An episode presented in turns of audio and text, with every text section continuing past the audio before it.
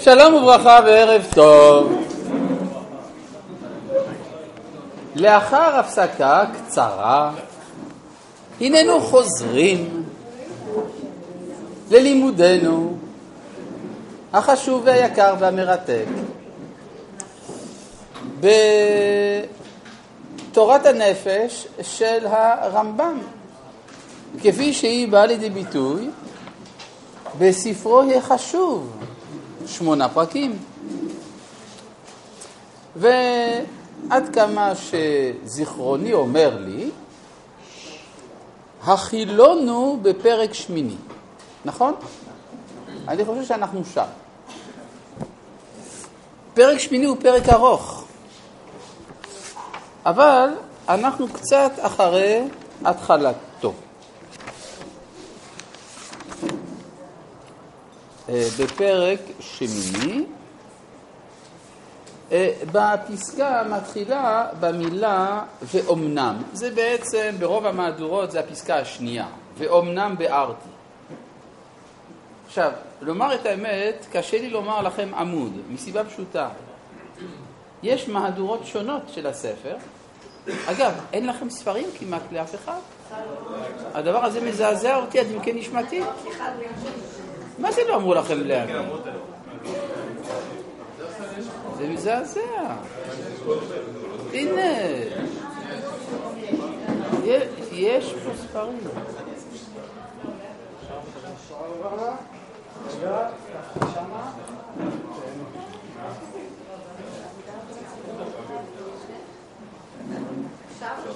עכשיו, מאחר וישנן מהדורות שונות, אז זה קשה מאוד לדעת. מהו העמוד. לכן אני לא, אומר, לא מציין מספר עמוד, אלא אני מציין פסקה. שלום.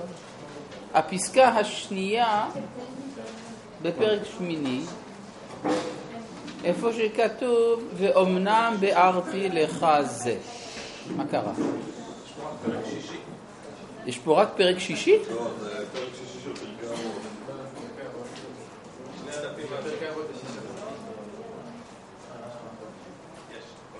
הכל מיושב. אז אם כן, אנחנו בפרק שמיני, בפסקה המתחילה במילים ואומנם ביארתי לך זה. מספיק מערכתי את הזמן כדי שתמצאו? טוב. ואומנם ביארתי לך זה. מהו הדבר שהרמב"ם ביאר לנו? שהאדם בן חורין, שיש בחירה חופשית. מה פירוש הדבר? יש פה ליקוטי מוהר"ן? יש פה, אני רואה שם שיש ליקוטי מוהר"ן. ליד, ליד הבחור היקר עם הטישרט. כן, יפה, אתה נוגע בזה. אתה נוגע, נוגע. יפה.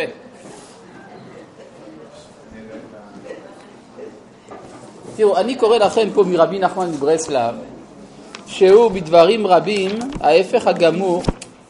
נו, באמת.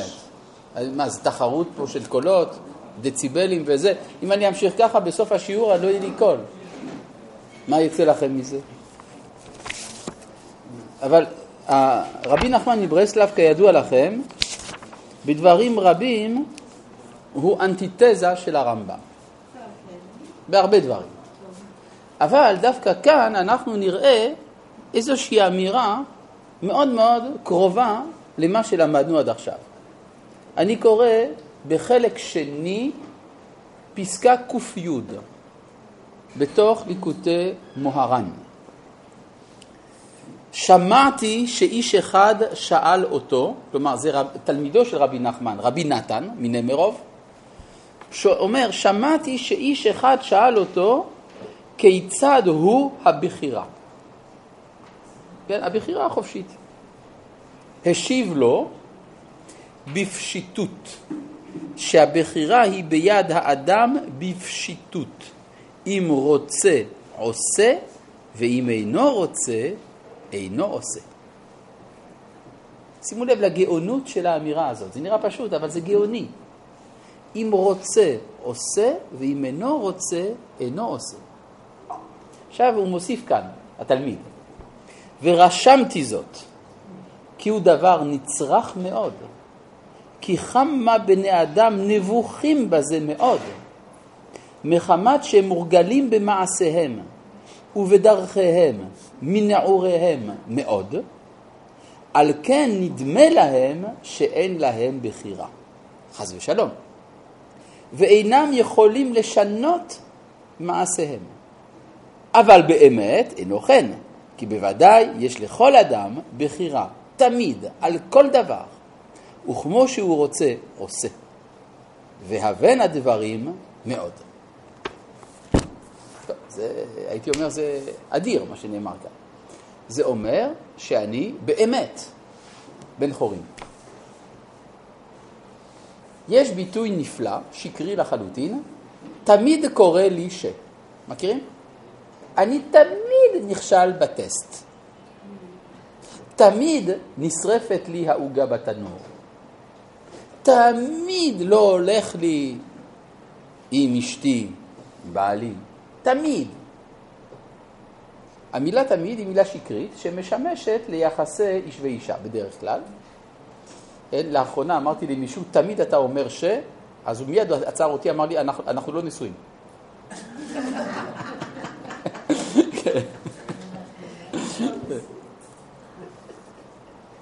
ברור. כלומר, זה, זה, זה מה שנקרא יצר הרע. אז זה תמיד מה שנקרא טראומות. עכשיו, החברה המודרנית עוסקת הרבה בטראומות. כן? למשל, מחנכים שמי שעבר טראומה, החיים שלו נהרסים. ולכן הוא זקוק לפסיכולוגים ולפיצויים.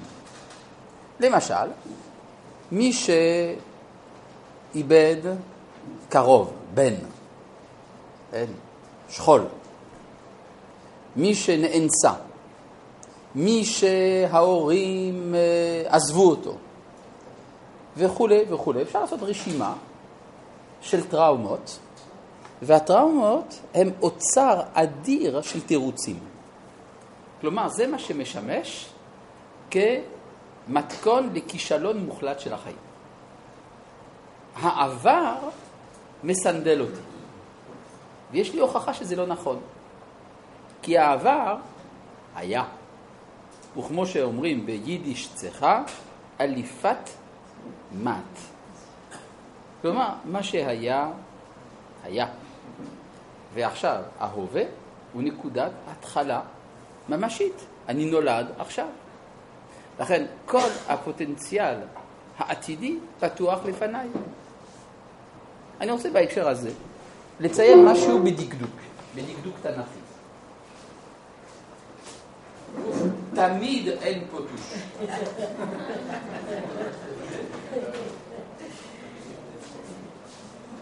טוב, לא נורא. אני אסתדר בלי. לא, לא, אני אסתדר בלי... אני יושב לבד עם עצמי בחושך, אני רגיל.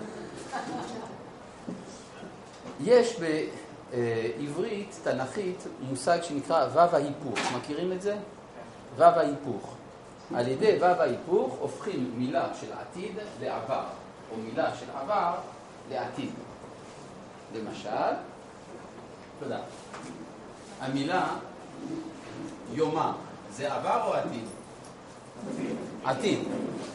בעברית תנכית, ויאמר, וו ההיפוך, הופך את זה לעבר, נכון? המילה אמר זה עבר או עתיד? אמר, זה עבר או עתיד? עבר, יפה. בעברית תנכית, אם אני מוסיף ו' ואמר, זה לשון עתיד. ואמר ויאמר. בסדר? אמרו רבותינו, עליהם השלום, שכל מקום שבו כתוב בתורה ויהי, זה לשון צרה. כל מקום שכתוב והיה, לשון שמחה. ויהי אור. לפי זה לשון צרה. נכון? ו... מה? לא יודע למה. ויהי אור, לשון צרה. אתה רוצה להיכנס לפרטים? לא רוצה. עכשיו, נשאלת השאלה, מדוע אמרו רבותינו שויהי הוא לשון צרה, והיה לשון שמחה? פשוט מאוד. ויהי, זה עבר או עתיד? זה עבר, נכון? אבל המקור הוא עתיד. יהי זה עתיד. זה עתיד שהפך להיות עבר. העתיד גונז בתוכו את כל התקוות. אף ברגע שהפכת את העתיד עם כל התקווה שבו לעבר, זה לשון צרה, אז אין תקווה.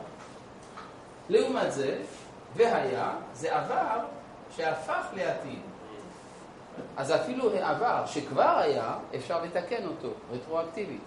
והיה, לשון שמחה. ברור? עכשיו, למה אני אומר את זה? כדי שאנחנו נבין מהי אוטונומיה. זה דבר שאפילו מבחינה מדעית קשה להסביר אותו. אנחנו רגילים, כשאנחנו מסתכלים על... המושג של זמן זה משהו מאוד רלטיבי. את אומרת שזמן זה משהו מאוד רלטיבי. את מוכנה להיפגש איתי אתמול? אנחנו יצרנו עם השפה העברית, כן. לשקף את המושג של זמן. כן, אבל יש לי שאלה אלייך. את מוכנה להיפגש איתי אתמול? בסדר, אז שאומרים שמשהו רלטיבי, אה, נכון. עכשיו, אה, אני רוצה על פי זה, אה, התחלתי משהו, את רואה? בלבלת אותי. האוטונומיה, כן. מבחינה מדעית מאוד קשה להבין מה זה אוטונומיה אמיתית. כי כשאנחנו מסתכלים בטבע, אנחנו רואים כל הזמן חוקיות. למשל, לא יעלה על הדעת שאני אשתמש בטוש ירוק, וכאשר אני אמרח יצא כתום. רוצים לראות שיוצא כתום? ננסה. ננסה? שיצא כתום? לא, אני לא רוצה לנסות. כי אני משוכנע שאם אני אמרח, יצא ירוק. איך יצא? לא, לא, לא מעז להסתכל. כן? אבל זה בדיוק העניין, שאנחנו תמיד רואים שלכל סיבה יש תמיד אותה תוצאה, סיבה ומסובב, קוראים לזה בעברית דטרמיניזם.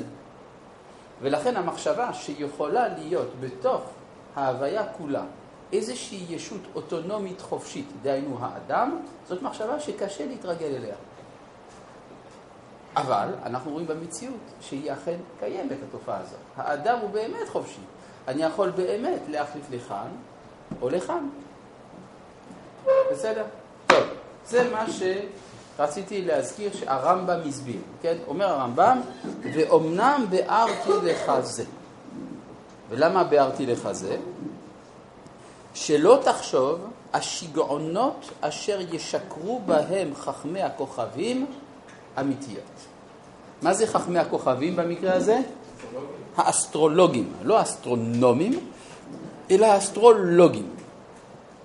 כי יחשבו שמולד האדם, מה זה מולד האדם? המצב של הכוכבים בשעת לידתו של אדם, מה? מפת הכוכבים בשעת לידתו של האדם, זה נקרא מולד האדם. יחשבו שמולד האדם ישימהו בעל מעלה או בעל חסרון. למה אני טוב בשחמט? ברור, כי נולדתי ביום רביעי בשעה 4.32, בדיוק בזמן של החיבור בין אה, כוכב חמה לבין צדק. אז ברור שאני חייב להיות גאון בשחמט. או בעל חסרון. מדוע אני תמיד נכשל בטסט? ברור, כי מי שבמזל מאזניים בשעת החיבור בין זה לזה, ברור שהוא מוכרח להיכשל בטסט. כן? אז אומר הרמב"ם זה שיגעונות. מה?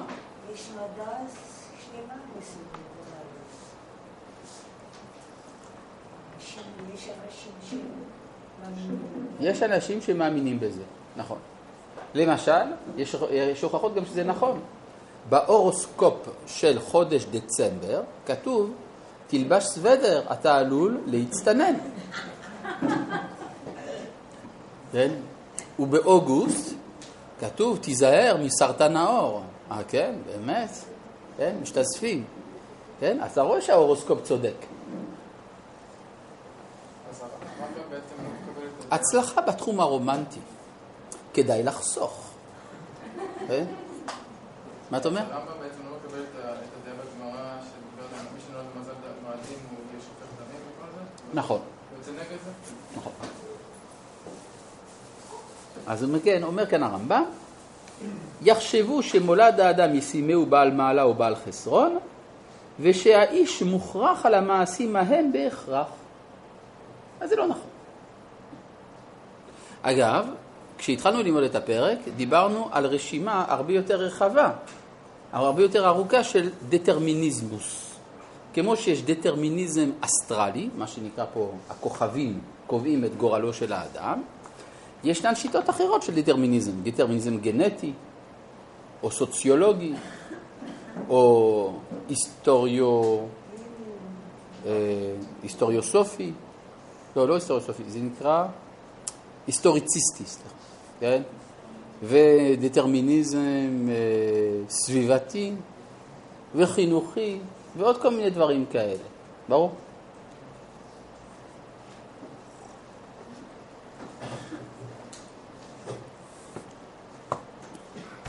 אמנם אני יודע, אומר הרמב"ם, שהדבר המוסכם עליו מתורתנו ומפילוסופי יוון, כמו שאימתוהו טענות האמת, שפעולות האדם כולן מסורות לו, אין מכריח אותו בהן, ולא מביא אותו זולת עצמו כלל, שיתהו לצד מעלה או לצד חסרון. אלא אם כן תהיה לו הכנת המזגים לבד, כמו שביארנו. כלומר, מה שביארנו למעלה זה שישנן נטיות. למשל, אדם שיש לו גוף בגובה של מטר שמונים וחמש, יש לו סיכוי טוב להיות כדורסלן מוצלח. אבל יכול להיות באותה המידה שאותו אדם שיש לו נתונים להיות כדורסלן מוצלח, לא ישתמש בכישרון הזה, ולעולם לא ידע איך להחזיק כדור. כי אם הוא לא יתאמן, לא ידע. כמו כן, יש אדם נמוך, מטר חמישים. קשה להאמין שהוא מסוגל לשחק כדורסל. אבל אם יתאמץ, ידע, ואולי אפילו גם יהיה מהטובים. כלומר, יש מה שנקרא נתוני פתיחה, אבל נתוני פתיחה אינם נתוני סיום. זה מה שאומר כאן, אבל, כלומר, כמו שביארנו, שיקל לו עניין או יכבד. אבל שיתחייב או יהיה בו נמנע, אין זה. טוב, התזה ברורה? יש שאלות על זה? הכל ברור? הזדמנות אחרונה? אחר כך שלא תגידו. כן, מה? כן.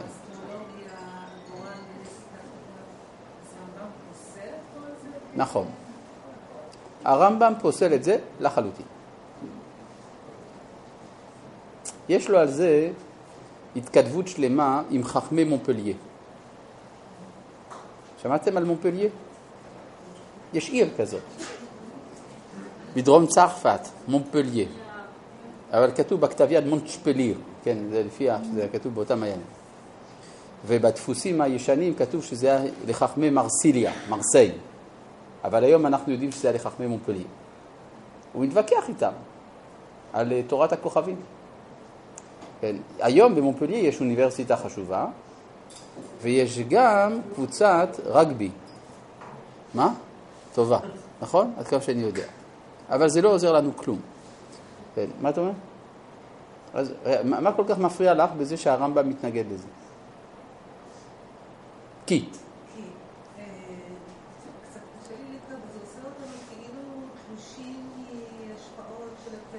יפה. בדיוק. יפה. זה בדיוק מה שמפחיד את בני האדם. בני האדם מפחדים פחד אדיר מן החירות. החירות זה אחד הדברים המפחידים ביותר שיש.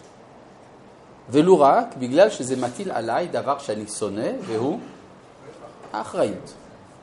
אני לא רוצה אחריות. לכן הרבה יותר נוח לי לספר לעצמי שיש כל מיני גורמים, נקרא להם דטרמיניסטים, שקבעו מה שקבעו. יש אפילו סיבות דתיות לחשוב את זה. קוראים לזה פטליזם, כן? אומרים, אתה יודע מה, לא צריך להשתדל, הכל מהשמיים. מכתוב מן אללה, זה ביטוי אה, מוסלמי מובהק, זה מה ש... כן, מה אתה אומר? יש דברים שהם באמת מחוץ זאת אומרת, נניח יש איזשהו עיקר שרוצה לאבד את אדמתו, ושנה אחרי שנה אחרי שנה יש לו בצורת. צריך לעזוב אולי את אדמתו, שזאת אדמת... אה, זה דברים חיצוניים שהם הם מעבר ל- ל- לרצון שלו לשבת על אדמתו. או שיש דברים, אה, ש- ש- כל מיני דברים שקורים לאדם שהם לא תלויים איך קוראים לך? שמעו נא את קושייתו של רונן. רונן אומר, יש נתונים שאינם בידי האדם. למשל, אני אביא את הדוגמה שהבאת, אז בסדר, אני יכול להביא את הדוגמה, למה? כי לי יש קול יותר חזק ממך, וגם אני מדבר בכיוון של הציבור. מה ש... הדוגמה שהביא רונן, הוא הביא דוגמה של עיקר שמתעקש לאבד חלקת אדמה שיש בה בצורת שנה אחרי שנה ולא יוצא לו כלום, אז ברור שהוא חייב לעזוב את אדמתו. אם כן, יש נתונים חיצוניים לנו שקובעים את התנהגותנו. תשובה, שטויות במיץ עגבניות, ואני אסביר למה. אל תיפגע. זה רק כדי למשוך תשומת לב. כן. אותו אדם יכול להחליט שהוא יישאר באדמה הזו וימות מיובש. זאת החלטה אפשרית. כלומר, הנתון שזה לא כדאי, זה לא כלכלי, זה לא שווה וחבל על המאמץ, הנתון הזה איננו תלוי בו. מה הוא יעשה עם הנתון הזה? תלוי בו. מובן? כלומר, הנתונים הם כפויים עלינו. התגובה לנתונים לגמרי תלויה בנו. מובן? אז מה בהם אה, השפעה קוסמית? השפעה אין שום בעיה, יש נתונים. כלומר, הרמב"ם היה יכול לקבל באופן עקרוני שיטה אסטרולוגית האומרת אלה הם הנתונים. אבל ברגע שיש נתונים, אפשר גם, לשן... אפשר גם להגיב ההפך הנתונים. מה שאין כן האסטרולוגיה, שהיא קובעת שכך יהיה. זה מה שמפריע לרמב"ם שם. מובן? למשל, יש אור ירח, לא כדאי לי לגנוב. אבל אני יכול לגנוב. הנה, את רואה? יש השפעה של הכוכבים? כדי מה, לגנוב? כן, כדאי לגנוב בלילה שבו אין ירח. לילה של ירח מלא לא מומלץ לגנבים.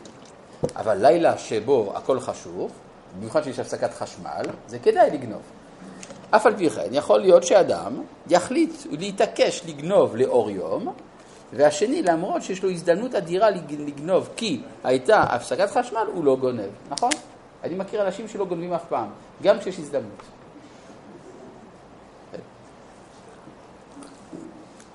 מכאן שלא הנתונים הם הקובעים את ההתנהגות, אלא הבחירה שלי קובעת את ההתנהגות שלי. כן, אז בן אדם נגיד שלוקה בהלם קרב ופרנויה, הוא בוחר? אדם שלוקה בהלם קרב או בפרנויה. הוא בוחר כיצד להגיב לעובדה שהוא בהלם קרב או בפרנויה. כלומר, אדם שיש לו פרנויה, לא עלינו ולא עליכם, טפו טפו טפו השם ישמרנו, חס ושלום. אדם שנמצא במצב כזה, הוא, ב, יש לו אחריות מלאה על תגובתו לעובדה הזאת. הוא צריך להזהיר את הסביבה שלו, הוא צריך לקחת תרופות בזמן, הוא צריך לשקם, ללכת לפסיכולוג וכדומה. כלומר, הוא לא פטור מן התגובה לנתון הזה. כמו שאדם שחתכו לו את היד, הוא לא פטור מתגובה למצב הזה. מובן? כמו כן לגבי מי שלקה בהלם קרב. הוא צריך להיות מודע לזה, שהוא לקה בהלם קרב. חס ושלום, טפו, טפו, טפו, לא עליכם, לא עלינו. השם ישמרנו. בסדר?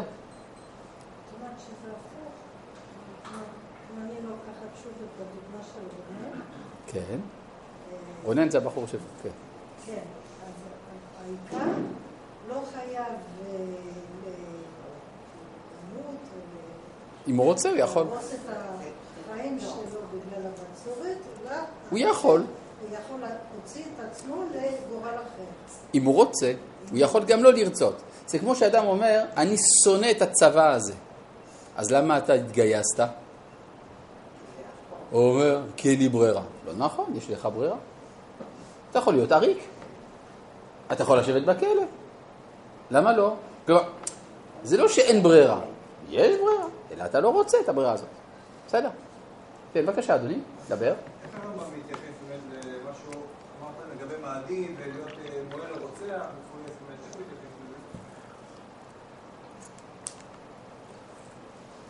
איך קוראים לך? שי. שי? אני אסביר את השאלה של שי. ותסביר לי אם הבנתי נכון את שאלתך. מה הרמב"ם יעשה עם אותה סוגיה תלמודית שבה נאמר שאדם שייוולד במזל מאדים ישפוך דם, נכון? בסדר? זו השאלה שלך. ושם נאמר שהוא יכול לשפוך דם בשלושה אופנים, או שירצח, או שיהיה שוחט, או שיעשה ברית מילה, מוהל. כלומר, או באיסור, או בהיתר, או במצווה. אבל לשפוך דם הוא חייב, כן? כך נאמר בתלמוד. מה יעשה הרמב"ם עם אותה סוגיה בתלמוד שאומרת את זה? זאת שאלתך? הבנתם את השאלה של שי? מישהו לא הבין את השאלה של שי? מה? הבנתי. כל הכבוד. לא שומע.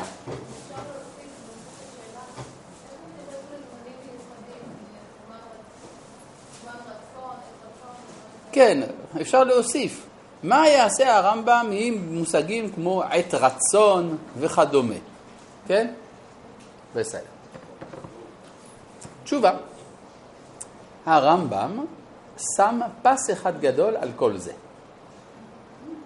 וכפי שהוא כותב בעצמו, לחכמי מונטשפליר, הלא היא מופליה, אותה עיר שבה יש אוניברסיטה וקבוצת רגבי, אבל זה לא חשוב. הוא אומר שאם תאמרו שיש מחכמי התלמוד שאמר שהאדם קבוע לפי המזל, אין זה אלא מפני דבר שראה אותו חכם לפי שעה. כלומר, בקיצור, זוהי דעת יחיד, ולא כך נפסק להלכה.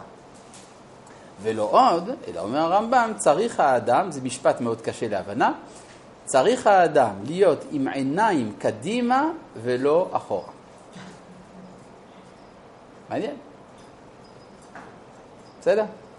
אז כך שהרמב"ם לא מפחד מהעת רצון או מהמאדים, מה אכפת לו? אז מה אם זה כתוב? הלאה.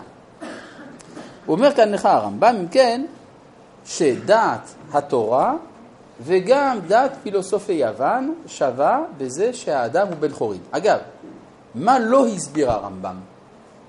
מאיפה באה החירות לאדם? זה הוא לא הסביר. כן? כי הרי אם אני רוצה לאכול פחמימות, אני יודע איפה מוצאים פחמימות. יש תפוחי אדמה בשביל זה. אם אני רוצה שומנים, אני יודע איפה מוצאים שומנים. יש מקרודים בשביל זה.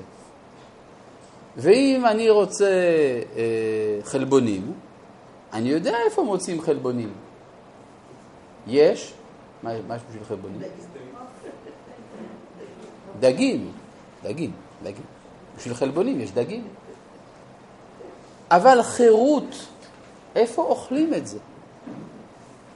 הרי אין בטבע אוצרות של חירות. מזכיר לכם הקושייה המדעית שהבאתי מקודם. אז מאיפה בתוך העולם הדטרמיניסטי שלנו ישנה בועה כזאת של אדם בן חורין? בתוך האדם, אבל האדם מאיפה הוא בא? האדם אוכל, כפי שאמרנו, תפוחי אדמה, מקרודים ודגים, נכון? אז זאת אומרת, אתה מנסה כבר לתת תשובה. אבל אני אומר, זה צריך לחשוב על זה, כן? מאיפה נולדה החירות של האדם? מאיפה זה בא? כן? זה לא דבר פשוט. עכשיו, אבל אני לא אענה עכשיו, אם תרשו לי.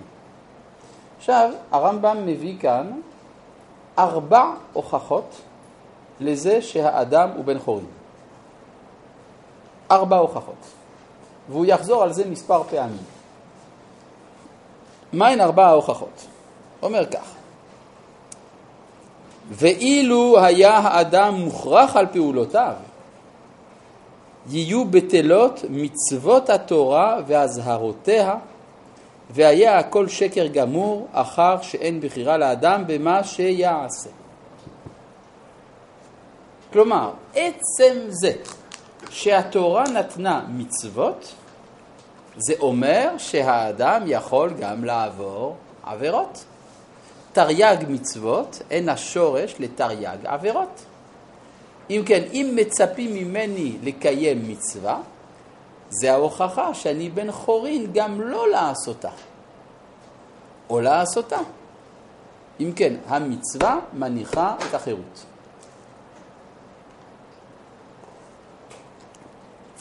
אגב, שאלה זו היא שאלה ששאלו המוסלמים. כי הרי האסלאם הסוני, שהוא בעצם האסלאם הרשמי, הרי 90% מהמוסלמים הם סונים, האסלאם הסוני סבור שאין בחירה חופשית. שאין בחירה חופשית. כן, הם אומרים, הסונים, שזה 90% מהמוסלמים, הסונים אומרים שאין בחירה חופשית לאדם. בסדר? אז איך הם מבינים את המושג של מצווה? הרי יש באסלאם מצוות. יש פה סתירה פנימית, נכון? אני עוד לא אביא את התשובות, התשובות שנתנו המוסלמים לזה, אבל זו שאלה טובה, נכון? טוב. הוכחה שנייה. וכן, היה מתחייב ביטול הלימוד וההתלמדות, ולימוד כל מלאכת מחשבת. היה כל זה הבל ולבטלה. אחר שהאדם אי אפשר לו כלל מפני הגורם המכריח אותו מחוץ זולתו, לפי דעת האומרים זה, שלא יעשה הפועל הפלוני ומבלי שידע החוכמה הפלונית, ושלא תהיה לו המידה הפלונית. כמו שלמשל שואלים ישראלי מצוי, האם אתה יודע לנגן בפסנתר? ואז הוא עונה, אולי, לא ניסיתי. כלומר, כלומר, אם ישנה גזרה על פי הכוכבים שאני אהיה פסנתרן, אז לא צריך ללמוד. ואם יש גזרה על פי הכוכבים שלא יהיה פסנתרן, גם אם ילמד זה לא יעזור. אז למה אנשים לומדים פסנתר? נכון? כפי הקושייה המפורסמת, שפסנתר אפשר להפיל, אבל פיל אפשר לפסנתר. אז אם כן, זאת ההוכחה השנייה. כלומר, גם מזה שהתורה נתנה מצוות ועבירות, וגם מזה שבני אדם מתלמדים.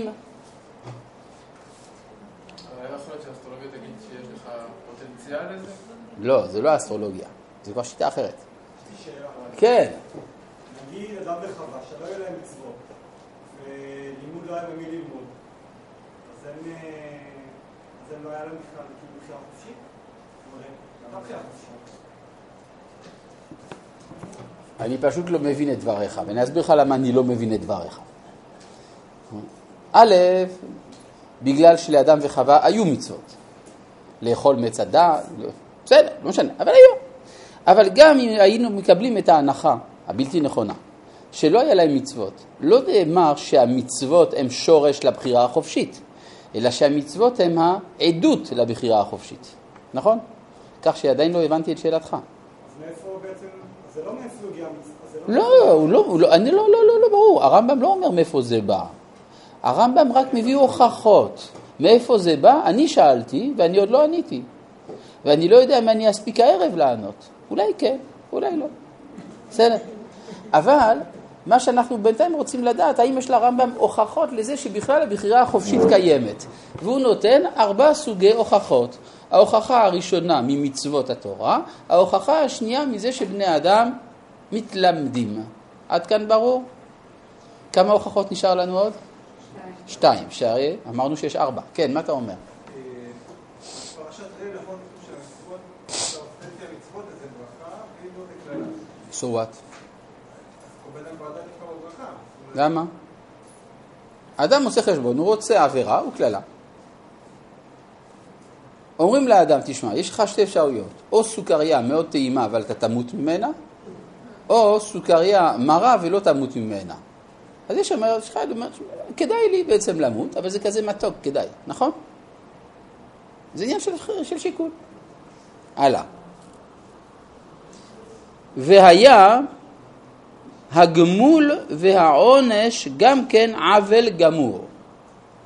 זה שנותנים שכר לצדיק ועונש לרשע. זה לא פייר.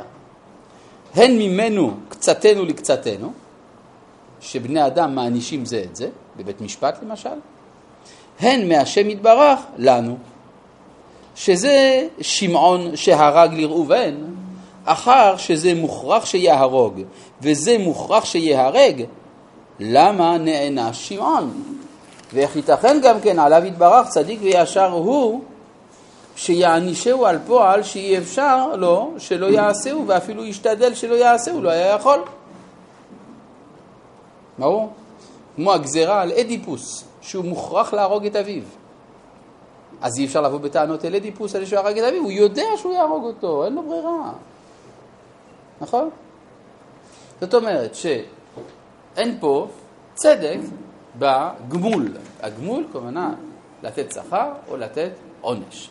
זה לא פייר. שוב, המוסלמים הסונים שאלו את עצמם, אז למה הצדיק הולך לגן עדן, והרי לא הייתה לו ברירה אלא להיות צדיק. ומדוע הרשע הולך לגיהינם? הרי לא הייתה לו ברירה אלא להיות רשע. אתם יודעים מה הסונים עונים על זה? יודעים מה הסונים עונים על זה? זה מדהים. אבל אם אני אגיד לכם מה הם עונים, תגידו שאני גזעני. אז אני לא אגיד לכם. לא תגידו שאני גזעני. הסונים אומרים שאומנם קשה להבין, אבל כך רצה האלוה. שהצדיק יהיה צדיק וילך לגן עדן, ושהרשע יהיה רשע וילך לגיהינם. כי גם זה רצה האלוה. מה? דטרמיניסטי עד הסוף, אבל איפה המוסר? קושייה. אבל ככה הם אומרים. טוב, בואו נמשיך. אמרנו בינתיים שלוש הוכחות. אז מגיע לנו עוד אחת, נכון? בואו, נראה. והיו בטלות גם כן ההכנות כולן, עד סופן, מבנות בתים וכינוס הממון ולברוח בעת הפחד וזולתם מן הדומים להם, כי אשר נגזר שיהיה אי אפשר מבלי היות. כלומר, למה אתה יושב בבית ולא בחוץ? כי יש גשם. אם נגזר עליך להיות רטוב, אז גם אם תהיה בבית תהיה רטוב. ואם נגזר עליך להיות יבש, גם אם תהיה בחוץ תישאר יבש.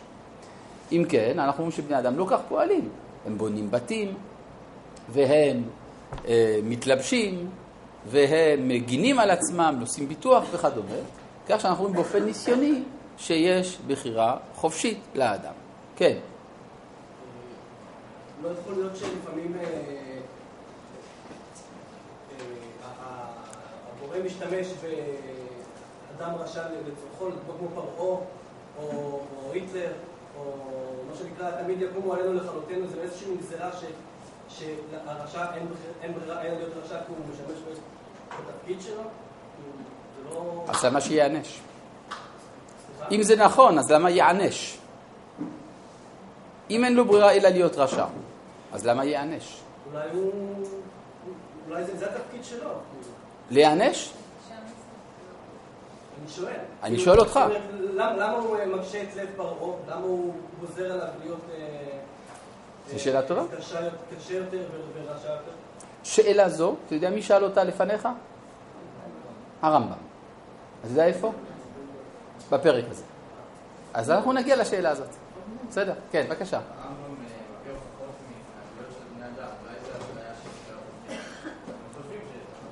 נכון. על כל אחת מן ההוכחות של הרמב"ם אפשר להתעקש ולדחות. אני מסכים איתך. מבחינה לוגית טהורה זה לא בדיוק ברור. אף על פי כן הרמב"ם יש לו עיקרון כללי בכל מה שהוא לומד, גם בתחום המדעי, לקבל את מה שהחוש הראשון מורה עליו. זאת ההוכחה שהרמב"ם לא למד את תורת הקוונטים. כי אם היה לומד את תורת הקוונטים, היה רואה שהמציאות מתפקדת באופן מוחלט, בניגוד מוחלט, למה שהחושים שלנו מעידים עליו. בסדר? אבל אף על פי כן, הרמב"ם כאן, ואני חושב שהוא צודק, למרות שעל ההוכחות אפשר להתווכח, הוא אכן צודק שדת היהדות היא שהאדם הוא בן חורין, ולו רק בגלל ההוכחה הראשונה, שזה המושג של המצווה והעבירה. כן? כדאיתא בספר הקדוש, הנסיך הקטן, שהנסיך שואל את המלך, מכירים את הספר הנסיך, מכירה את הנסיך הקטן? כן, יפה מאוד. המחבר מי זה? מי המחבר של הנסיך הקטן? כל הכבוד, אמרת את זה מצוין. כן, כן, לא, היא אמרה את זה נכון. כן, אנטואן דה סנט אקזופרי. לא משנה, זה באמת לא חשוב. כן, אבל אה, בספר הקדוש, הנסיך הקטן, הנסיך שואל את המלך, מה אתה עושה? הוא אומר, אני מולך. אה, באמת? על מה אתה מולך? הוא אומר, אני מולך על כל מה שאתה רואה. מה, גם על הכוכבים? כן, אני מולך גם על הכוכבים. ותגיד, גם על השמש? כן, ודאי, אני מולך גם על השמש. אגב, זו ביקורת על מושג האלוהים, אתם שימו לב. ואז הוא אומר לו, ותגיד, אתה יכול לצוות על השמש? בוודאי, אני המלך. אתה יכול אולי להגיד לשמש לשקוע? אני כל כך אוהב שקיעת חמה. ואז המלך אומר לו, תגיד, אם הייתי מצווה על אחד מן הגנרלים שלי לעוף כפרפר, והוא לא היה עושה כן, אני הייתי אשם או הוא? אז הנסיך אומר, אתה היית אשם, אדוני המלך. הוא אומר, בדיוק כך. זה לא יהיה צודק שאני אדרוש מן השמש לעשות דבר שאיננה מסוגלת לעמוד בו. אבל, ואז הוא מוציא לוח שנה, הוא אומר, אה, אם תבוא היום ב-7.32, אני אתן אז פקודה לשמש ותראה כיצד נשמעות פקודותיי. עכשיו, מה, מה זה אומר? זה אומר שאכן אי אפשר לתת מצווה אם אין אפשרות ש, של סירוב. כלומר, עצם זה שיש ציפייה של, כלומר, עצם זה שיש שבח כלפי מקיים המצווה וגנאי כלפי עובר העבירה, זה מניח שהוא בן חורין לקיים או לעבור. מובן? וזה די ראייה, נאמר. טוב. דבר אחד עוד לא הבנו, מאיפה באה הבחירה החופשית. טוב, בואו נמשיך. מה שאומר הרמב"ם, וזה כולו שקר גמור, וכנגד המושכל. המושכל שאומר לעשות, אה, שאומר להתלמד. והמורגש זה שאנשים עושים מחנות. והריסות חומת התורה זה שיש מצוות, ולגזור על השם יתברך בעוול, חלילה לא ממנו, זה שאנחנו אה, נותנים שכר ועונש. עד כאן ברור? טוב. אמנם האמת, אשר אין ספק בו, שפעולות האדם, כולן, מסורות לו. אם ירצה, יעשה, ואם לא ירצה, לא יעשה. מכירים את המשפט הזה מאיזשהו מקום? רבי נחמן ברסלב. זאת ההוכחה שהרמב"ם קרא את ליקוטי מוהר"ן. מבלתי הכרח שיכריחהו עליו, ומפני זה ראוי לצוותו. עד כאן העמדת השיטה של הרמב"ם. עכשיו הרמב"ם צריך גם להביא, עד כאן ברור כי אני הולך לסבך את זה. בטוח? טוב. עכשיו הרמב"ם צריך גם להתמודד עם מקורות של היהדות בנושא הזה. אז הוא יביא לנו קודם כל ראיות מפסוקים מפורשים בתורה. בסדר? הנה. אמר, ראה נתתי לפניך היום את החיים ואת הטוב, את הברכה ואת הקללה, ובחרת בחיים. ושמה בחירה לנו בהם, וחייב העונש למי שימרה, והגמול למי שיעבוד. אם תשמעו, ואם לא תשמעו. יש ברכה למי שישמע, קללה למי שלא ישמע, סימן שיש בחירה חופשית. וחייב הלימוד וההתלמדות. איך כתוב? ולימדתם אותם את בניכם, ולמדתם אותם ושמרתם לעשותם. וכל מה שבא בלימוד המצוות. כי אנחנו אומרים שיש גם בחירה, יש גם שכר ועונש, ויש גם התלמדות. וחייב גם כן, הדבר הרביעי, ההכנות כולן. כמו שכתוב בתורה, כי תבנה בית חדש ועשית מעקה לגגיך ולא תשים דמים בביתך. כלומר, ההלכה היא שאדם שיש לו גג, חייב לבנות מעקה לגג. למה? כי אם הוא לא ישים מעקה, אנשים ייפלו, נכון? אז סימן שאם הוא שם מעקה, אנשים לא ייפלו. אז סימן שיש בחירה חופשית. לא נגזר על האדם למות. וכן הפסוק, פן ימות במלחמה. על מה זה נאמר? מי האיש אשר ארס אישה ולא לקחה, ישוב וילך, ילך וישוב לביתו, פן ימות במלחמה, ואיש אחר ייקחנה. ומי האיש אשר נטע כרם ולא חיללו, ישוב, ילך וישוב לביתו, פן ימות במלחמה, ואיש אחר יחללנו. ומי האיש אשר בנה בית ולא חנכו, ילך וישוב לביתו, פן ימות במלחמה, ואיש אחר יחנכנו. אם כן אנחנו רואים שאם הוא יצא למלחמה יש סיכוי שהוא ימות והוא לא יחנוך את הבית ולא יישא את אשתו ולא, יחל, ולא יחלל את כרמו. ואם הוא לא יצא למלחמה, יש סיכוי טוב שכן יעשה כאן. זאת אומרת שלא נקבע מראש אם ימות או לא ימות. במה ישכב? על מה זה נאמר? משכון. על משכון. איזה סוג משכון? שמיכה.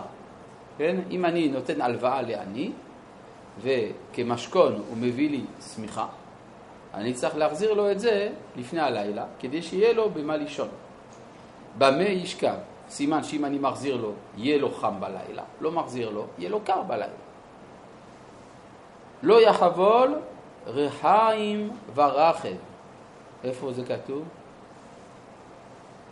איפה זה כתוב? לא יחבול רחיים ורחב. אה? אה? מה אתה אומר? בספר דברים. יפה. באיזה פרק? כ"ד. איזה פסוק? ו', נכון? איך אתה יודע? זה כתוב פה בסוגריים. כן. עכשיו, השאלה היא למה רק אתה ענית את זה? הרי כולם היו צריכים לדעת, אבל הם לא מוכנים לשים לב, כן? רוצים שילעסו להם את כל החומר. טוב, לא יחבול רחיים והרחב. מה זה לא יחבול רחיים והרחב? שאם אני נותן הלוואה למישהו, אסור לי לקחת כמשכון את הרחיים שלו. למה? כי אז אם אני לוקח ממנו את הרחיים, לא יהיה לו לחם. הוא צריך רחיים כדי לטחון את החיטה, כדי לעשות מזה קמח, כדי לעשות מזה לחם. לא יחבול רחיים ורחב, המשך הפסוק, כי נפש הוא חובל. והרבה בתורה ובנביאים מזה העניין. רצוני לומר, ההכנות. עד כאן ברור. אני הולך לסבך את זה. יש הרבה פרטים פה, וכדאי לכם לזכור את כל מה שאנחנו לומדים. טוב. אני עוד השארתי שאלה פתוחה, והיא? מאיפה באה החירות של האדם? אני עוד לא יודע. בסדר? טוב. אבל, עכשיו אנחנו למדנו מקורות מהתורה, אנחנו רוצים לראות גם מקורות מדברי חכמים, מהתורה שבעל פה. אבל מה שנמצא לחכמים עליהם השלום והוא אומרם, הכל בידי שמיים חוץ מיראת שמיים. זה, פס... זה משפט שאמרו אותו חז"ל. אתם יודעים איפה? במסכת ברכות דף ל"ג עמוד ב' ובמסכת נידה דף ט"ז עמוד ב'. הכל בידי שמיים חוץ מיראת שמיים. אז כאן אומרים שיש בחירה חופשית. מה זה יראת שמיים?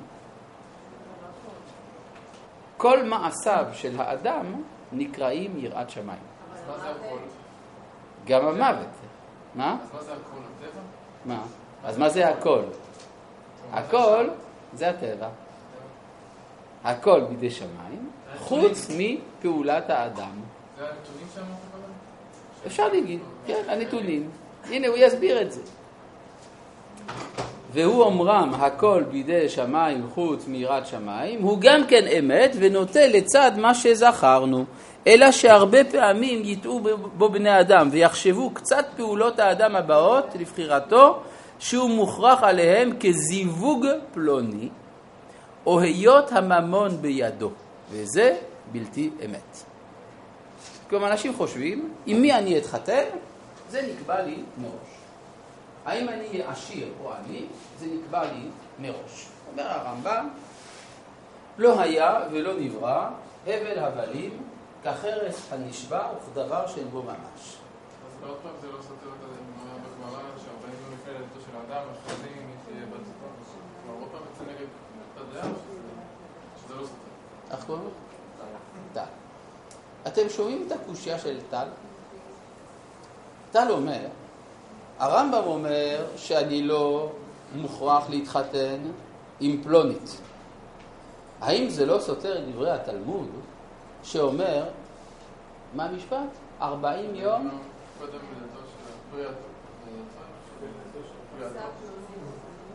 לפני יצירתו של הוולד, בת קול יוצאת ואומרת, בת פלוני לפלוני. נכון? האם זה סותר? ודאי שזה לא סותר.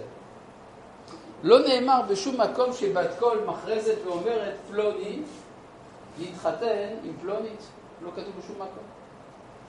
אלא שבת פלוני לפלוני.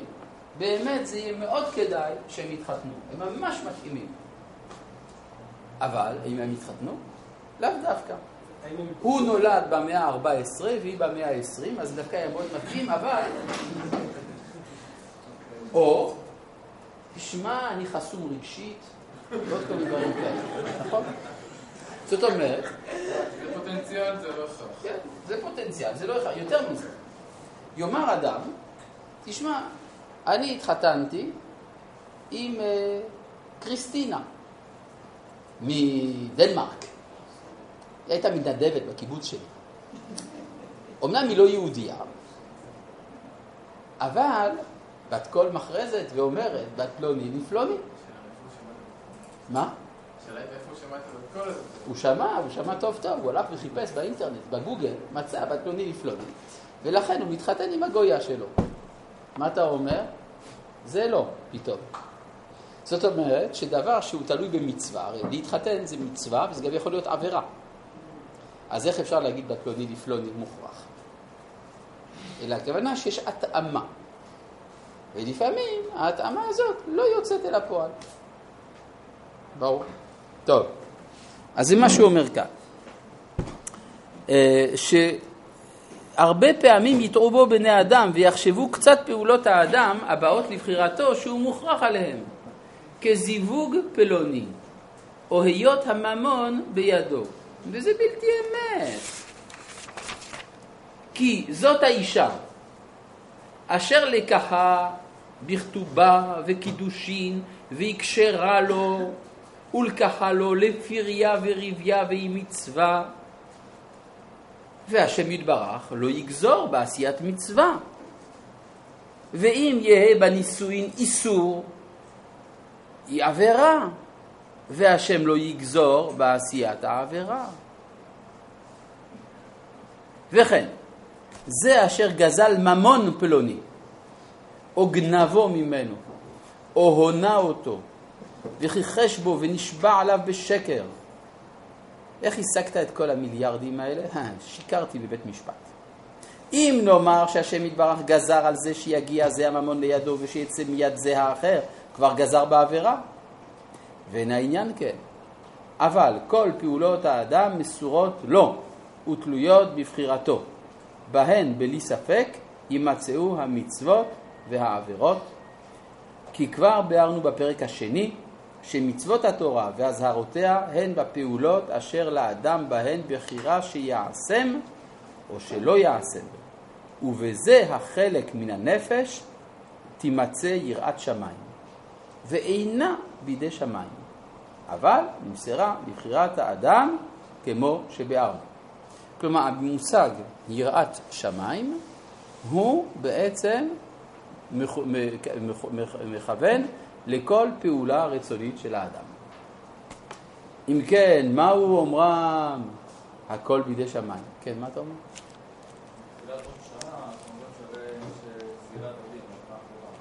בתחילת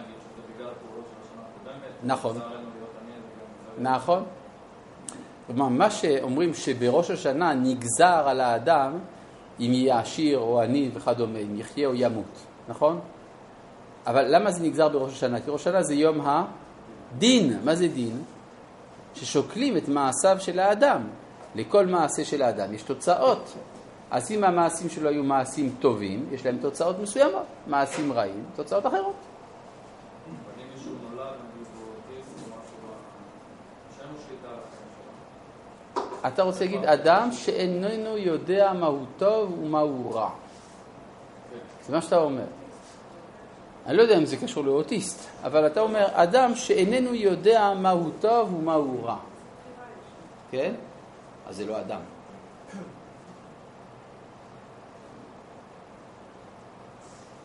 זה לא אדם. מה מה. מי אמר לך שאין לו בחירה? לאוטיסט. בין טוב לרע. הטוב והרע זה פונקציה של הידע שיש לי. למשל, אם אינני יודע שכאשר אני דורך על בלטה פלונית, בלטה זה מילה ערבית שפירושה מרצפה. אה, כש... אם אינני יודע שבשעה שאני דורך על בלטה הפלונית, אני מפעיל פצצת אטום, אני לא נידון על רצח. אבל אם אני יודע שבלחיצה הזאת אני מפעיל פצצת אטום, אני כן נידון כרוצח. כלומר, הטוב והרע הוא פונקציה של הידיעה. לפי העיקרון המשפטי הידוע בהלכה, שאי ידיעת החוק פוטרת מעונש. בניגוד למ... האם- ודאי שיש לי בחירה. למשל, יש לי כן בחירה, למשל אם כתוב לא ללחוץ כאן. כלומר, למשל, אתה רוצה שלא, י... אתה רוצה, אה, למשל, שלא ייגעו בספסל מסוים, אז מה אתה כותב? זהירות, צבע טרי. טוב, זה דווקא הסיכוי הטוב שיגעו. כן, אבל זאת אומרת שמי שנגע בצבע הטרי, יש לו בחירה חופשית לגעת או שלא לגעת. או אם... זהו, אם אין פתק, אז זה מחוץ לתחום הבחירה. זה בדיוק מה שאני אומר. זאת אומרת, נגיד שאדם לא יודע שהדריכה על אותה בלטה מפעילה משהו, אבל הוא יודע שאסור לפעול, ללחוץ על הבלטה. כתוב, לא לדרוך.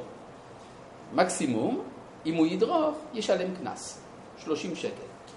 למרות שזה הפעיל פצצת אטום. אבל מאחר שזה לא בתחום הידיעה שלו, הקנס שהוא יקבל יהיה ביחס למה שהוא מסוגל לקלוט. אותו דבר לגבי הילד האוטיסט שאתה מדבר עליו. הילד האוטיסט איננו מחוסר כל הכרה של טוב ורע, אלא שהידע שלו בתחום הטוב והרע הוא מצומצם. אבל הבחירה בין הטוב לבין מה שהוא יודע כטוב ומה שהוא יודע כרע, זה עדיין נשאר בחירי, חופשי. לא. אם הוא חולה בנפשו, אדם שחולה בנפשו, יש לו בחירה חופשית להתנהג באופן מסוים על יסוד הידיעה שהוא חולה בנפשו, ויש לו, אופן מסו... ויש לו בחירה להתנהג באופן אחר על יסוד הידיעה שהוא חולה בנפשו. נכון, הכל פונקציה של הידיעה. כל זמן שאין ידיעה, אין הכרה מוסרית. יפה. לא. לכן, היום אנחנו לא מכניסים לכלא אנשים שאכלו שניצל. למרות שבשר זה רצח. אבל מאחר וההכרה המוסרית של האדם, אני מדבר על ההכרה החברתית הכוללת, איננה שבשר זה רצח, לכן לא, לא רק שאנחנו לא מכניסים לכלא את אוכלי השניצלים למיניהם, אלא אנחנו אפילו אומרים יישר כוח למי שמכבד את השבת על ידי שניצלים. שניצל זה רק עם דוגמא, שלא יותר טוב. כן? מובן מה שאני אומר? כן, בבקשה. אבל כאשר האנושות תהיה צמחונית, כל אוכלי השניצלים ייכנסו לכלא. כן, בבקשה. אפשר להבין, השניצל. זה אחיזה והאלקטרונים והאלמוניש, שזה לא מוכרח, אני מסכימה שזה לא מוכרח, אבל השאלה היא, אז למה אמרו את זה? למה? נכון, בסדר. נגיד בפלוני לפלוני אמרנו זה לא מכריח שיתחתנו. אז למה סיפרו לנו את זה? עד כאן השאלה של שדמה.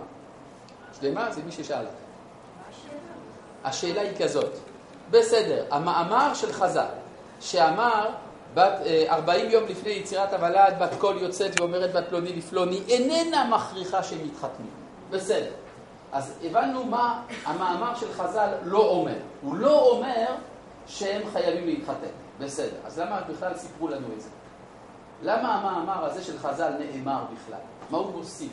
מה הוא מעלה? מה הוא מוריד? זה השאלה שלה? הבנתם את השאלה שלה? מה, מישהו לא? לא הבנתם את השאלה? אבל כולם הבינו את השאלה. טוב, אז תוציאו פתקים, תסבירו את השאלה שלה. לא, בסדר, נוותר הפעם. התשובה היא שהתלמוד בעצמו שואל את זה. התלמוד שואל שהמאמר הזה סותר מאמר אחר, שבו נאמר קשה זיווגו של אדם כקריאת ים סוף. והתלמוד אומר, הרי אם זה בת פלוני לפלוני, אז למה זה קשה? אומר התלמוד, זה זיווג ראשון, זה זיווג שני. מה פירוש זיווג ראשון, זיווג שני? ודאי שלא מדובר על קרונולוגית, כי יש לפעמים שאדם מתחתן עם אישה, וזה איום ונורא, ודווקא עם האישה השנייה שלו יותר קל. אז לכן אפשר להגיד שזה זיווג ראשון ושני במובן הכרונולוגי של המילה. אלא הכוונה שיש סוגי התאמות שונות בין הנשמות. יש התאמות שהן מבחינת זיווג ראשון, שעליו נאמר בת פלוני לפלוני, ויש התאמות שהן מבחינת קשה זיווגו של אדם כקריאת ים סוף. מובן? מה? זה בא להגיד לך. שמתאים. נכון. זאת אומרת, לא, לא, זה באמת כך, זה אומר שלא יתפלא האדם שיש קושי, כי הוא בבחינת זיווג שני. ויש מי שזה דווקא מתאים, זה בבחינת זיווג ראשון.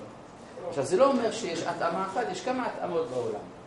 למשל, מצאנו שאצל האבות, אברהם ויצחק, הם קראו לנשותיהם בשם אחותי. שמתם לב לזה?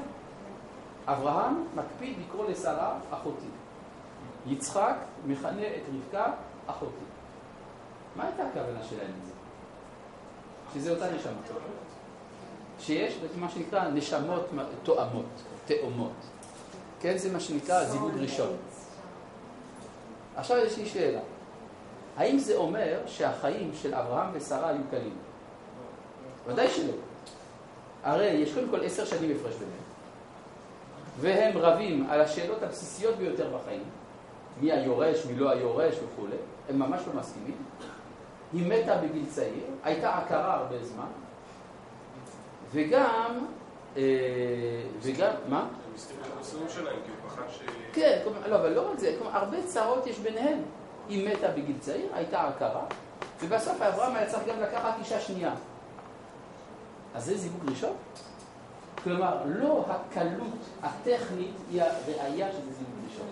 זה משהו נשמתי, הרבה יותר פנימי. אצל האבות הם ידעו את זה, הם ידעו להרגיש אם זה זיווג ראשון. בסדר?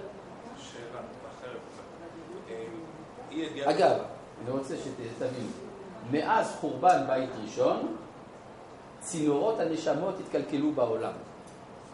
כך שהסיפור של זיווג ראשון הוא נדיר ביותר. כפי שאמרתי, לפעמים יש זיווג ראשון מצוין, אבל היא במאה ה-14 והוא במאה ה-20. אז זה היה מתאים, אבל אפשר לעשות. כן, מה אתה אומר? אה, אי ידיעת החוק פותרת מעונש. ודאי. אז אה, מה עדיף? זאת אומרת, ידיעת החוק או אי ידיעת החוק? אני חוזר על השאלה של רונן.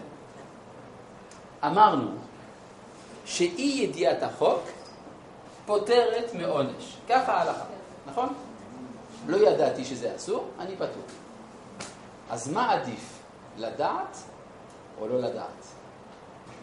תשובה, יותר כדאי לא לדעת, יותר אידיאלי לדעת. ברור? השאלה היא, האם זה כדאי להיות אידיאליסט? התשובה היא שאידיאליסט לא שואל אם זה כדאי. עכשיו אני אגיד בעצם יותר לעומק.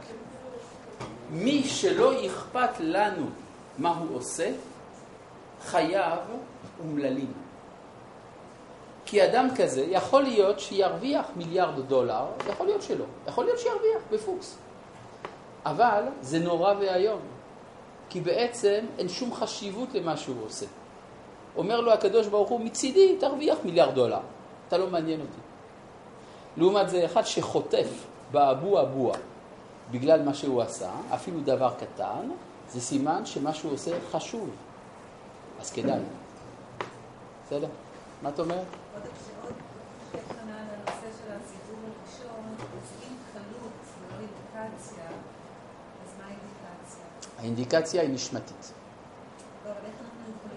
יכולים לדעת? אם את רגישה לנשמה. לא כל אחד יודע. לכן אמרתי, במדרגת האבות הייתה שהם ידעו. יש לפעמים אנשים בעלי אינטואיציה עמוקה מאוד שיודעים. אגב, יש סיפור מפורסם על הנכד של הרב מרדכי אליהו. סיפרתי לכם, לא?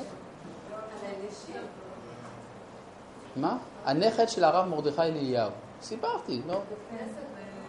לא, לא. אבל כיוון שיש פה חלק שיודעים, אני לא רוצה להטריח. טוב. לספר בכל זאת? אבל אלה שיודעים יתקוממו. את מוכנה שנספר בכל זאת? איזה מסירות נפש. מוכנה להשתעמם והכל. בקיצור, הנכד של הרב מרדכי אליהו רצה להתחתן, הביא את ארוסתו, ושאל את הסבא היקר, סבא, האם זה מתאים? לפי הגמטריות וכל הספרים, כל השיקולים על פי הקבלה. אומר הרב, אין בעיה, עשה חשבון על פי הספרים, על פי מספרים. הוא אמר, לא מתאים. אמר הנכד, הסבא, מה עושים? אמר לו, בוא נבדוק אם אברהם ושרה מתאימים. עשה חשבון, אברהם, שרה, לא מתאים. בסדר? כן, בבקשה. מצאנו אצל חלק מהיהודים גישה הפוכה לגמרי ממה שאתה מציע, מה שהרמב"ם אומר בעצם. אה, אנשים למה להתאמץ בשביל פרנסה, גם ככה הכל כתוב מלמעלה. נכון, זה באסלאם, זה באסלאם. אז השאלה היא, האם יש איזשהו גרעין אה, שקשור ליהדות, או שזה נגזרות של האסלאם שאיכשהו נתחילו? לפי הרמב"ם זה נגזרות של האסלאם. לא יש. יש. אבל גם אצל מי שיש, זה לא השורש של ההתנהגות העממית הזאת. אלא ההתנהגות העממית הזאת היא פשוט באה מיצר הרע אדיר של עצלות. בסדר? טוב, בבקשה.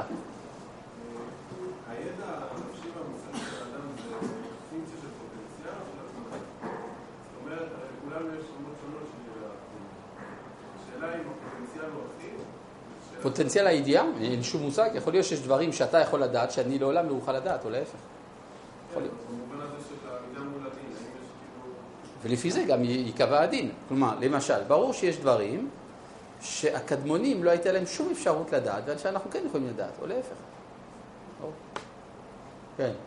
מה לגבי אה, מגלגלים חובה לידי חייו? זה קשור ל- הרמב"ם מתייחס לזה? אה, מגלגל, לא, הוא לא מתייחס לזה. לא מתייחס לזה. אבל זה לא סותר. מגלגלין חובה על ידי חייו, כלומר מי, שמ, מי, שמ, איך לומר, מי שמתנדב.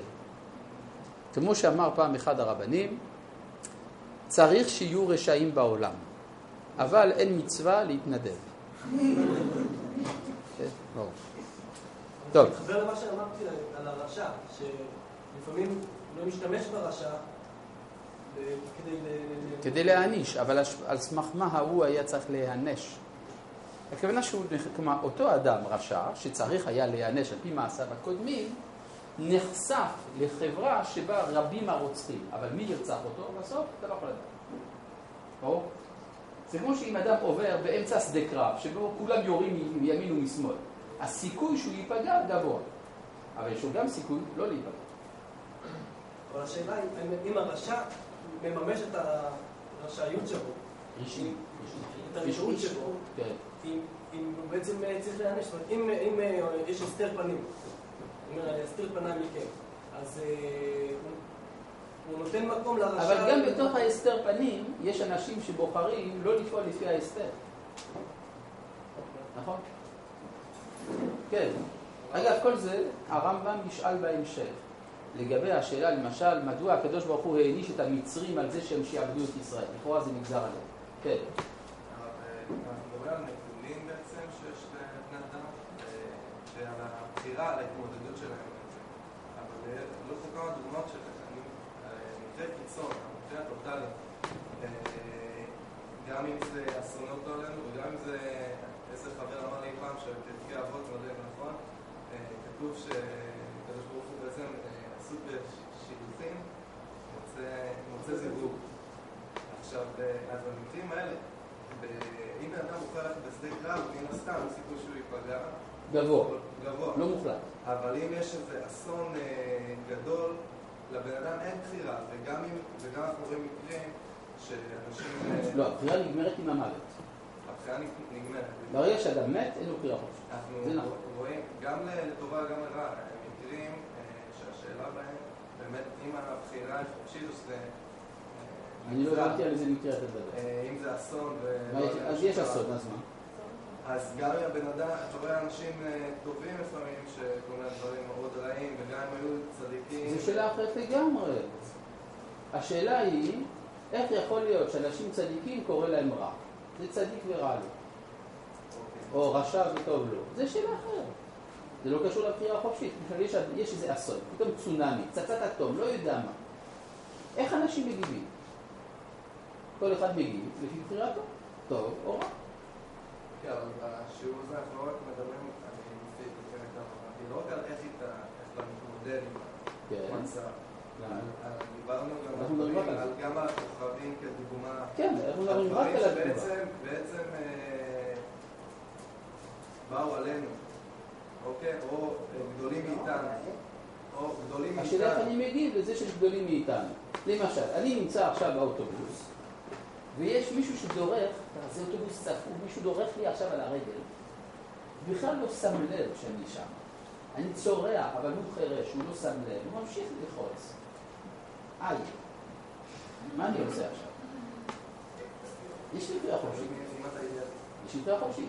או להפוך אותו, או להישאר ככה.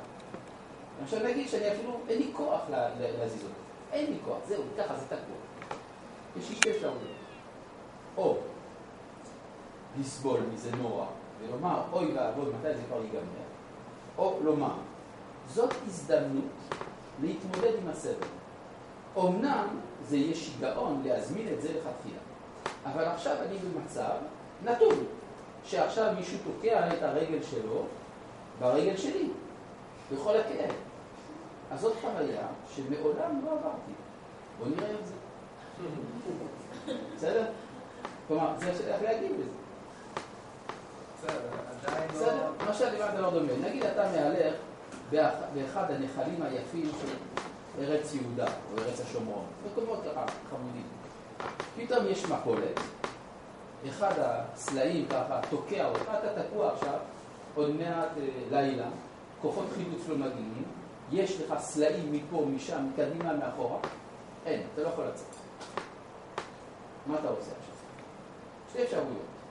אתה יכול לבכות על מר גורלך, להיכנס לדיכאון מוחלט, או לומר, אכן, אני עכשיו מול מכשול, בוא נתבונן בו.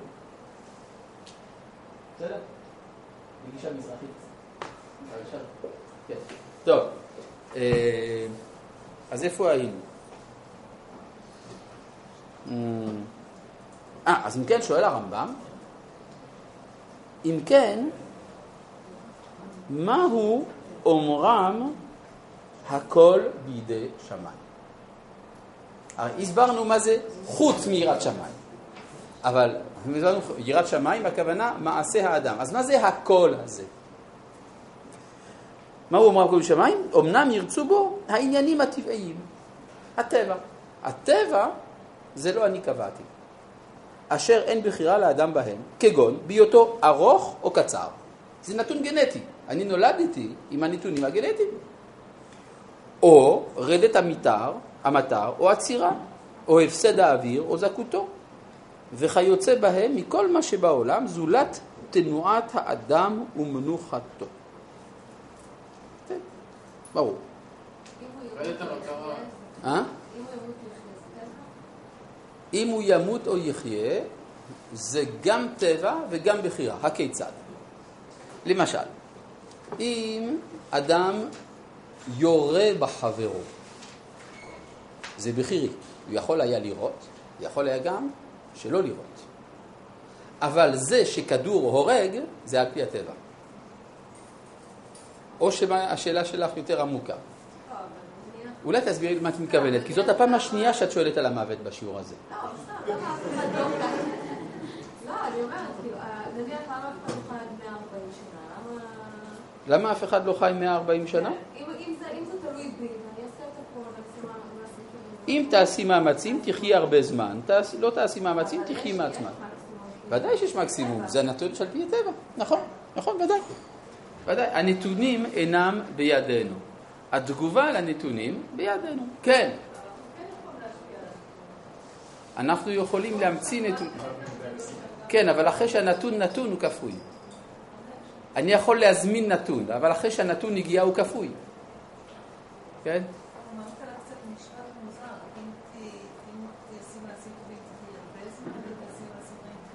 לא, מה שצריך.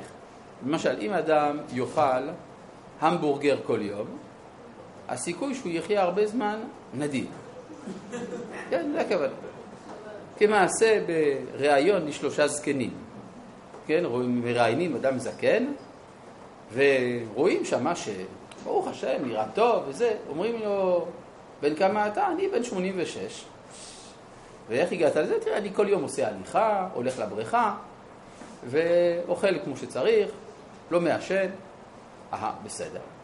טוב, עוברים למישהו אחר, קצת יותר כפוף כזה, אה, עם מקל. בן כמה אתה? 98. בסדר, איך הגעת לזה? תשמע, אני מאוד מתנזר מחיי הוללות, נשים, אלכוהול, זה אין אצלי. אהה, יפה מאוד. אתה מגיע השלישי ככה, כבר זקן, מה זה, כבר על כיסא גלגלים, בקושי הולך, אה, לא מצליח לזוז, שום דבר. מה, מה אתה עושה? אני שותה, אני אוכל, בנות, אני לא, לא, לא שם סביב שום גבולות. בן כמה אתה? 36. בסדר. טוב, אה, עכשיו אני רוצה להבין פה משהו. יש אה, שאלה מפורסמת, שאלה בפילוסופיה.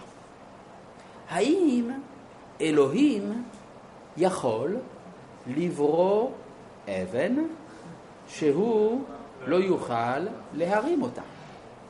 שאלה מפורסמת? כן.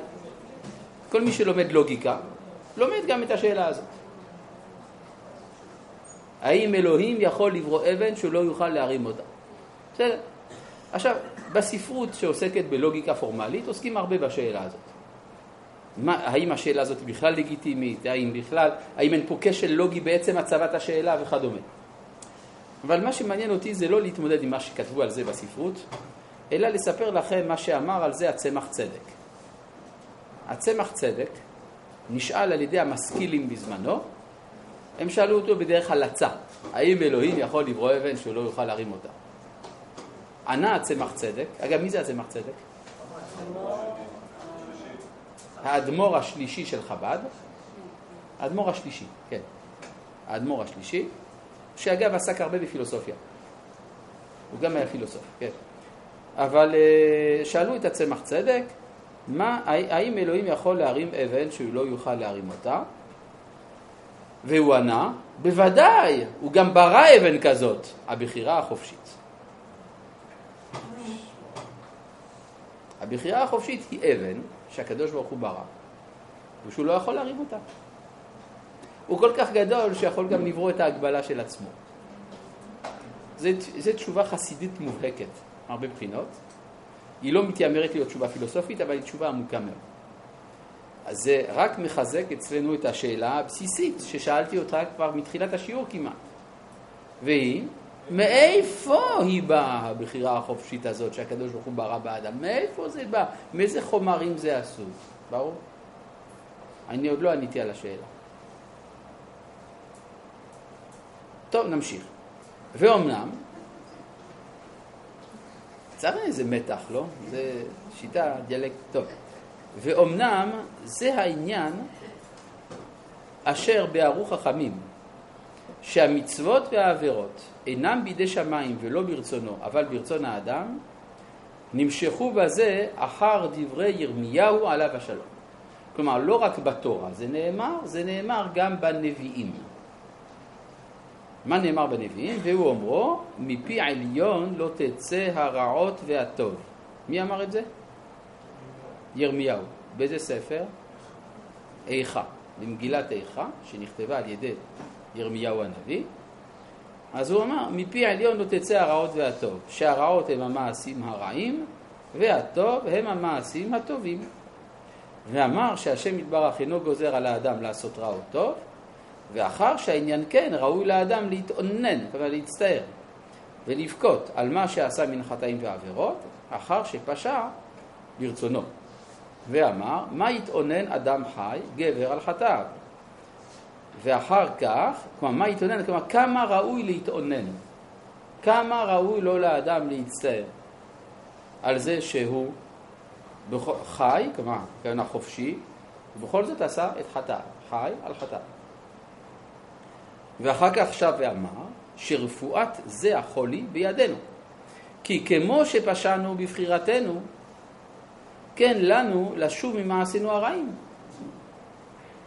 זה דבר מאוד מעניין. יש אנשים שמשוכנעים שההתנהגות שלהם כפויה עליהם. נכון. ואיך הם מצליחים לצאת מזה? על ידי שבוחרים בהתנהגות. סיפרתי לכם, ואפתח את הסיפור, על פרופסור דרייקורס באונייה. כן או לא? לא. אז אני אספר לכם. היה יהודי אחד, פרופסור דרייקורס, ברגע שאמרתי שהוא פסיכולוג, אז ברור שהוא יהודי. הוא היה תלמיד של אדלר. אדלר גם היה יהודי, נכון? איך אני יודע? הוא היה פסיכולוג, לא יודע. ואדלר היה תלמיד של, של מי? של פרויד, נכון? אבא של ורה עוד הכיר אותו, נכון? את פרויד. לא, באמת, היא סיפרה את זה באחד השיעורים. טוב, אז בכל מקרה, דריי קורס, אגב, יש קושייה. אם זה נכון שכל פסיכולוג הוא יהודי, אז למה קרל יונג היה גוי? יש יוצאים מן הכלל. מה? לא, הוא היה פסיכולוג. לא, הוא היה נאצי. כן, הוא היה נאצי. אז זה בסדר. אז זאת אומרת, אם לא יהודי, אז... כן, היה נאצי. כן, כן, כן. קרל יונג היה נאצי. מה, לא ידעת את זה? לא, ידוע. כן. טוב, לא משנה. אה, מה? יש לך ספרים, אז מה אם יש לך ספרים שלו? עכשיו, אה, דריי קורס, בואו נחזור לדריי קורס. מעשה בפרופסור דריי קורס שהיה באונייה באוקיינוס האטלנטי. פעם היו נוסעים באוניות באוקיינוס האטלנטי. עד שהיהודים עשו בעיות עם הטיטניק, נכון? כשאייסברג הוא זה שהטביע את הטיטניק. על כל פנים, זה היהודי, לא? על כל פנים, מה? זה לא נכון. בכל מקרה, אה, הוא היה באונייה, ואישה אחת אמרה לו על הסיפון, פרופסור דרייקורס, הנסיעות האלה באונייה זה משהו נורא ואיום, אני מקיאה כל הזמן. שאל אותה דרייקורס, למה את רוצה להקיא? ותען ותאמר, מה פתאום, לא רוצה. הלוואי וזה לא היה קורה, אבל מה אפשר לעשות? זה הנתון. ויען הפרופסור ויאמר לה. בואו נעשה הסכם. כל פעם שאת מקיאה, אני נותן לך דולר. כמה דולרים היא הרוויחה? אפס. הפסיקה להקיא. כי ברגע שזה הופך להיות בכירי, זה מתגלה כנשלט. לכן, כאשר האדם רוצה להשתכנע שהתנהגותו היא בכירית, הוא צריך פשוט לבחור. כאשר אדם בוחר, הוא יודע שזה בכירי. יש בתלמוד סיפור כזה. התלמוד אומר שאדם שמאוד מאוד רוצה לעשות עבירה, הוא משתוקק מאוד לעבירה, אי אפשר לעצור אותו. התלמוד אומר שהוא צריך להתלבש בשחור כלומר, סתם יהודי לא לובש שחורים, אבל במקרה הזה הוא צריך ללבוש שחורים, וללכת למקום שלא מכירים אותו, ויעשה מה שליבו חפץ. כותב רש"י, מה, פתאום, מה זה ההנחיה הזאת? זה כדי שלא יהיה חילול השם. כן? לא יחשבו שיהודי טוב עשה את זה, רע, הוא יהודי לבוש בשחור, עושה עבירה. אבל זה לא... כן? כלומר, זה כאילו, עבירה הוא יעשה, אבל לפחות שלא יהיה חילול השם. בעלי התוספות באותה סוגיה מעירים, חלילה לא הותרה העבירה, אלא מתוך שלובש שחורים נשבר ליבו ונמנע ולא עושה. עכשיו פה שאלה גדולה, מי צודק, רש"י או תוספות? התשובה היא שאומרים לו כמו רש"י, ואז הוא מגיב כמו התוספות. כלומר, כי ברגע שהאדם אומר, יש לי יצר הרע, אז אין לו ברירה, הוא, י... הוא הזמין בעצם את הנפילה שלו. ברגע שאומרים לו, תהיה מה, מותר לך. אה, מותר? טוב, אז אני עכשיו צריך לבחור אם כן או לא. ברור? זה אגב הלכה שמותר להורות כן. יש בתלמוד, במס... בירושלמי, במסכת יומא, סיפור מעניין. רוצים לשמוע סיפור? שם מסופר על אחד החכמים בשם רבי חנינה. ביום הכיפורים היה צמא ביותר, כנראה שהוא היה חולה. אז הוא שאל את רבי חגה, האם מותר לי לשתות? כן? סכנה, האם מותר לי לשתות? אני צמא. אמר לו רבי חגה, לך תשתה. אחרי שעה ראה שרבי חנינה לא זז, לא הלך לשתות. אמר לו, מה קרה? הוא אומר, מאז שהתרת, כבר אני לא צמא. כן? עכשיו, אז אם כן, אז זה מה שאומר כאן הרמב"ם, ואמר אחר כך, שרפואת זה החולי בידינו, כי כמו שפשענו בבחירתנו, כן לנו לשוב ממעשינו הרעים, ואמר אחר כך, נחפשה דרכינו נחקורה ונשובה עד השם, נישא לבבינו אל כפיים, אל אל בשמיים. אבל אז עדיין לא פתרנו את השאלה. מאיפה באה החירות של האדם, הבחירה החופשית? כל זאת ועוד, בפעם הבאה.